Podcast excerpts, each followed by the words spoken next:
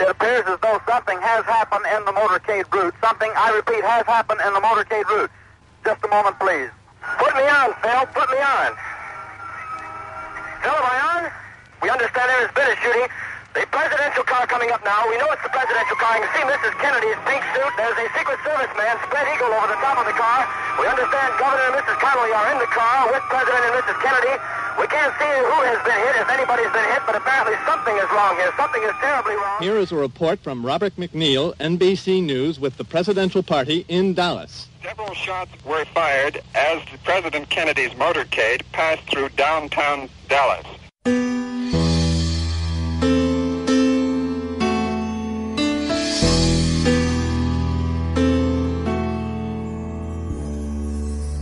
You're coming into Main Street and the crowd begins to roar. You smile at many people that you've never seen before. You keep on gliding down that street across my memory, down in Dealey Plaza back in 1963. Die tydskrif Life se eerste sin in 'n spesiale gedenkuitgawe oor die tragedie was eenvoudig It's all over now.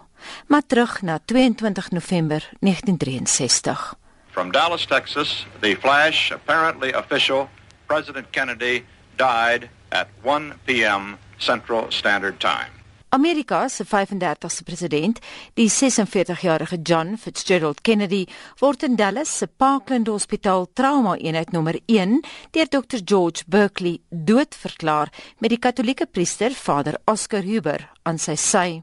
Lyndon Johnson word Amerika se 36ste president en vir die eerste keer ooit vind die inhuldigingsseremonie plaas op die presidensiële vliegtuig Air Force 1. Langs Johnson staan sy vrou Lady Bird en Jacqueline Bouvier Kennedy. An assassin's bullet has thrust upon me the awesome burden of the presidency.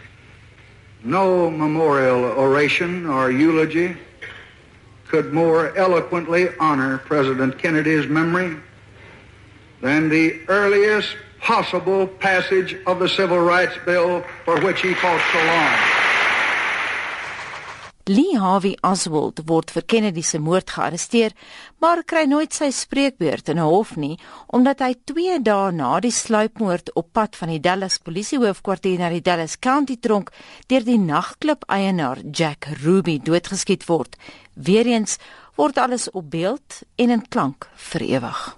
Now the prisoner uh, wearing a black sweater, has changed from his t-shirt, is being uh, moved out toward an armored car. Being led out by uh, Captain Fritz. There is the prisoner. You have anything to say in your defense?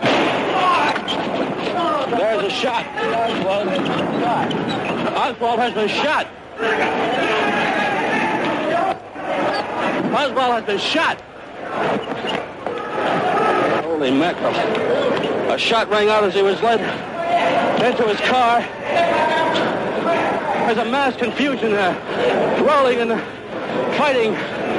There are some police officials. Who was he? Jack Ruby is the name. Jack Ruby? Ruby, Carousel Club. He runs the Carousel Club? Die sluipmoord maak wêreldwyd opslaa, ook in Suid-Afrika waar RSG se voorganger, die ou Afrikaanse diens, sy eie huldeblyk lewer. Deur Washington het 'n verfrissende lug gewaai. President Kennedy se deursoekende brein was gedurig op die loer na nuwe idees. President Kennedy het ook sy voorganger se vernaamste probleem geërf. Die gevaar van wêreldoorheersing deur die kommunisme, gerugsteun deur 'n magtige bewapende Rusland.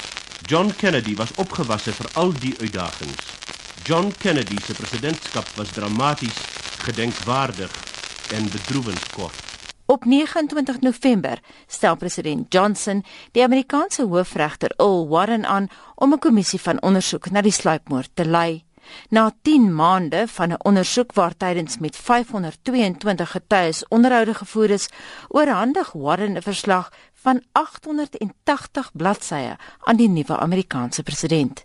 Die bevinding: Lee Harvey Oswald was alleen verantwoordelik vir die sluipmoord. Meningspeilings tussen 1966 en 2004 bevind egter dat 80% van sy landgenote glo dat John F Kennedy se dood 'n moordkomplot was.